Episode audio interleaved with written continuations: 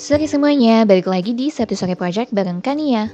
Bagi teman-teman yang suka dengerin musik, pernah kepikiran nggak kalau sebenarnya cara kita dengerin musik itu ternyata ya ada dampaknya juga terhadap lingkungan. Intinya sih apa ya, semua yang kita lakukan itu kan pasti ada dampaknya ya terhadap lingkungan. Nah, di episode ini saya mau sharing tentang dampak musik ya terhadap lingkungan. Apakah sebaiknya kita dengerin musik dengan streaming online ya atau lebih baik dengerin dari kaset atau CD itu gimana nih ceritanya.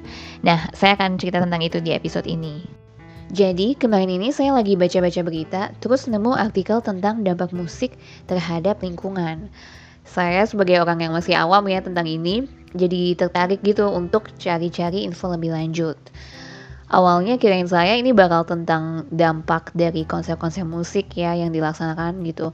Atau ya pokoknya kayak dampak konser-konser gitulah.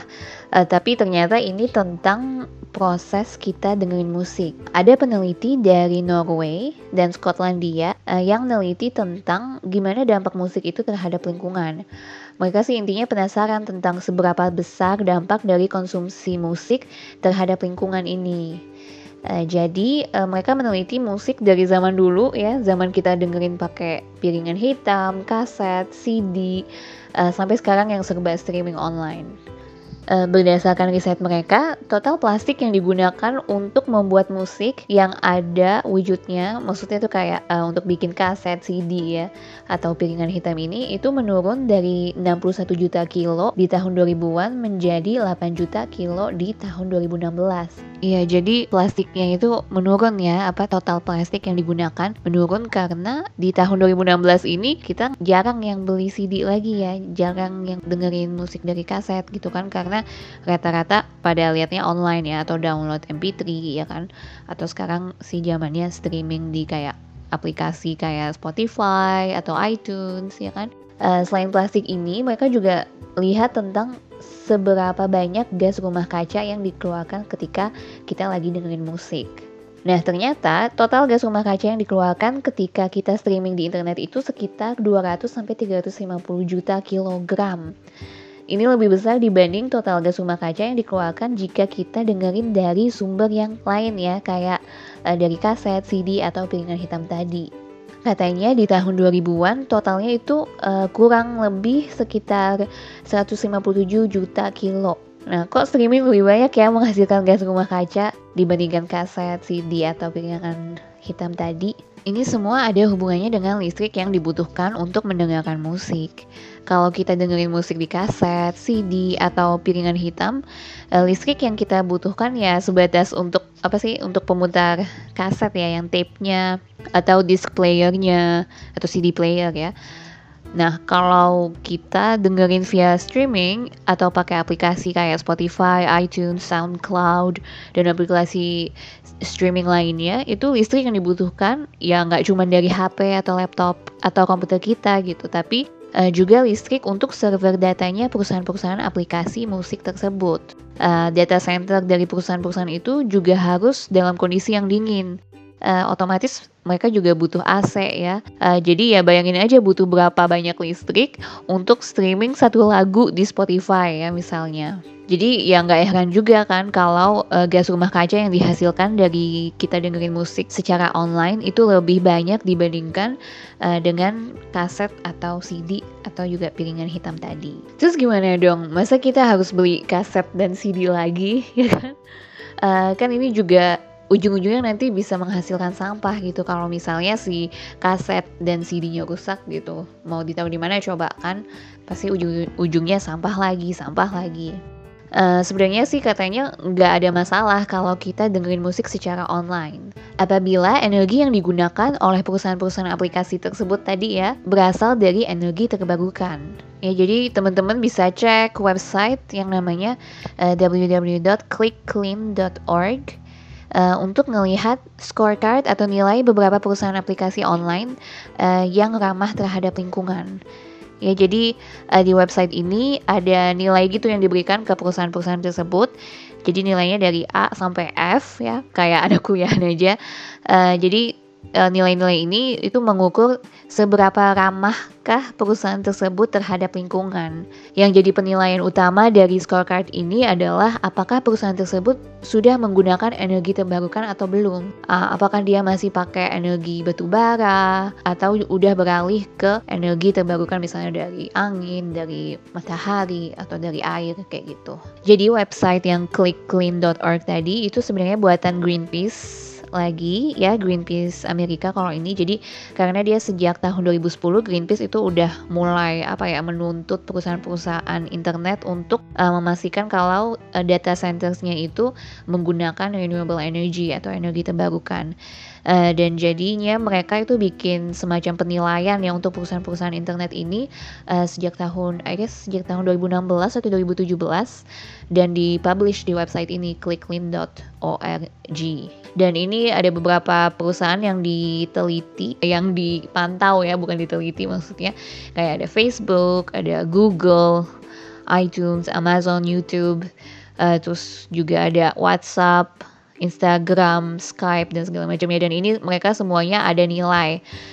Uh, dan kalau untuk musik khusus untuk musik uh, yang dapat nilai A itu ada iTunes, Google Play, sama Apple Music. Jadi asumsinya kalau misalnya mereka dapat A berarti data center mereka itu uh, menggunakan listrik dari energi terbarukan, ya. Uh, lalu yang dapat nilai C ini ada Amazon Music, ada Naver, Terus ada Melon, Melon, nggak tahu juga saya itu aplikasi baru dengar. Lalu ini sayangnya nih teman-teman, Spotify itu dapat nilai D. Bayangin Spotify, padahal saya sendiri juga pakai Spotify dan langganan lagi. Ternyata dia uh, dapat nilainya itu D ya. Jadi kita nggak tahu sumber energinya itu dari mana, tapi yang pasti bukan dari energi terbarukan. Terus ada lagi ini aplikasi Genie sama SoundCloud. Ini F dua-duanya dapat nilai F atau fail kali. Uh, karena ya saya juga nggak tahu kenapa. Tapi oh ternyata ini bisa diklik juga. Ya saya barusan klik uh, keterangannya. Jadi ini SoundCloud. Katanya clean energinya itu cuma 17% uh, dan dia dapat energinya dari natu natural gas 24%, dari batu bara 30% dan nuklir 26%. Uh, terus yang dilihat juga ada energy transparansinya. Ini yang nggak ada transparansi, jadi mungkin nggak ada keterangan dari SoundCloud ini mereka energinya dapat dari mana segala macam. Jadi informasinya nggak jelas. Uh, lalu ada renewable energy commitment and siting policy. Jadi dilihat dari kebijakannya, ke apa komitmen dan kebijakan perusahaan tersebut terhadap energi terbarukan itu seperti apa nggak ketahuan. Lalu procurement renewable, renewable procurement ya advocacy, energy efficiency, and greenhouse gases mitigation. Jadi uh, hal-hal uh, ini yang di, dinilai gitu. Ini yang F dia nggak transparan ya. Kalau yang A tadi ini ada iTunes. Itu iTunes berarti 83% itu dari clean energy dan natural gasnya itu uh, 4%, batu bara cuma 5% dan nuklir 5%. Dan dia nilai transparansi energinya itu A Terus tentang kebijakan dan komitmennya juga ah, berarti mungkin itu di websitenya ada kali uh, keterangannya ya ditulis untuk publik. Uh, lalu tadi saya penasaran sama Spotify tadi dapat D ini kenapa? Oke, okay, uh, Spotify udah pakai clean energy ya sebenarnya 56%. Clean energy ini berarti uh, energi terbarukan. Jadi mereka pakai clean energy 56%, terus natural gas itu 14%, Uh, terus batu bara masih ada juga 15% dan uh, tenaga nuklir 10%. Dan dia ini kenanya karena nggak transparan gitu. Kita nggak tahu sebenarnya energinya mereka dapat dari mana itu nggak transparan banget. Mungkin nggak dipublish di websitenya lagi jadi harus ke Spotify untuk wawancara mungkin ya. Uh, lalu ya kebijakannya itu nggak kelihatan. Kebijakan terkait khusus tentang uh, renewable energy itu nggak ada nggak ditemukan. Dan yang lain juga nggak ditemukan yang ketemu cuma renewable procurement aja gitu. So makanya Spotify dapat D. So ya temen-temen jadi apa ya mungkin yang suka nonton apa dengerin musik yang peduli soal ini bisa dengerin dari iTunes atau Google Play atau Apple Music ya karena mereka dapat nilai A. Tapi kalau udah keburu apa ya langganan Spotify kayak saya gitu ya ya mau gimana lagi ya palingan kurangin aja streamingnya gitu kali ya. Jadi kalau teman-teman peduli soal ini teman teman-teman bisa cek website yang lebih lanjut ya ini menarik dan bisa menggunakan aplikasi yang nilainya bagus ya kayak tadi yang saya bilang ada tiga yang dapat A Terus peneliti Norway itu juga bilang kalau penelitian ini bukan berarti dia adalah orang yang anti streaming online. Uh, dia masih dengerin Spotify juga ya. Terus penelitiannya ini sebenarnya cuma bermaksud untuk memperlihatkan dampak dari konsumsi musik terhadap lingkungan uh, dan bagaimana akuntabilitas perusahaan terhadap hal tersebut ya.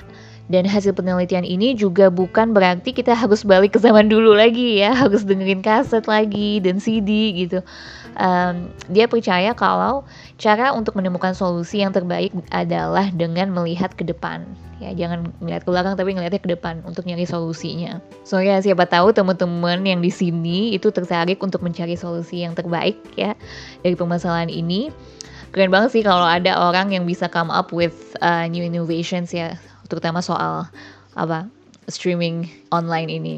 Anyway, uh, cukup dulu untuk episode kali ini. Saya mau keep it short aja ya, supaya nggak perlu streaming lama-lama. Ya setidaknya biar bisa sedikit hemat listrik dan kuota juga kali ya. Oke, okay, makasih udah dengerin this week. Uh, jangan lupa follow Instagram kita di @sabtu sore project and see you next week.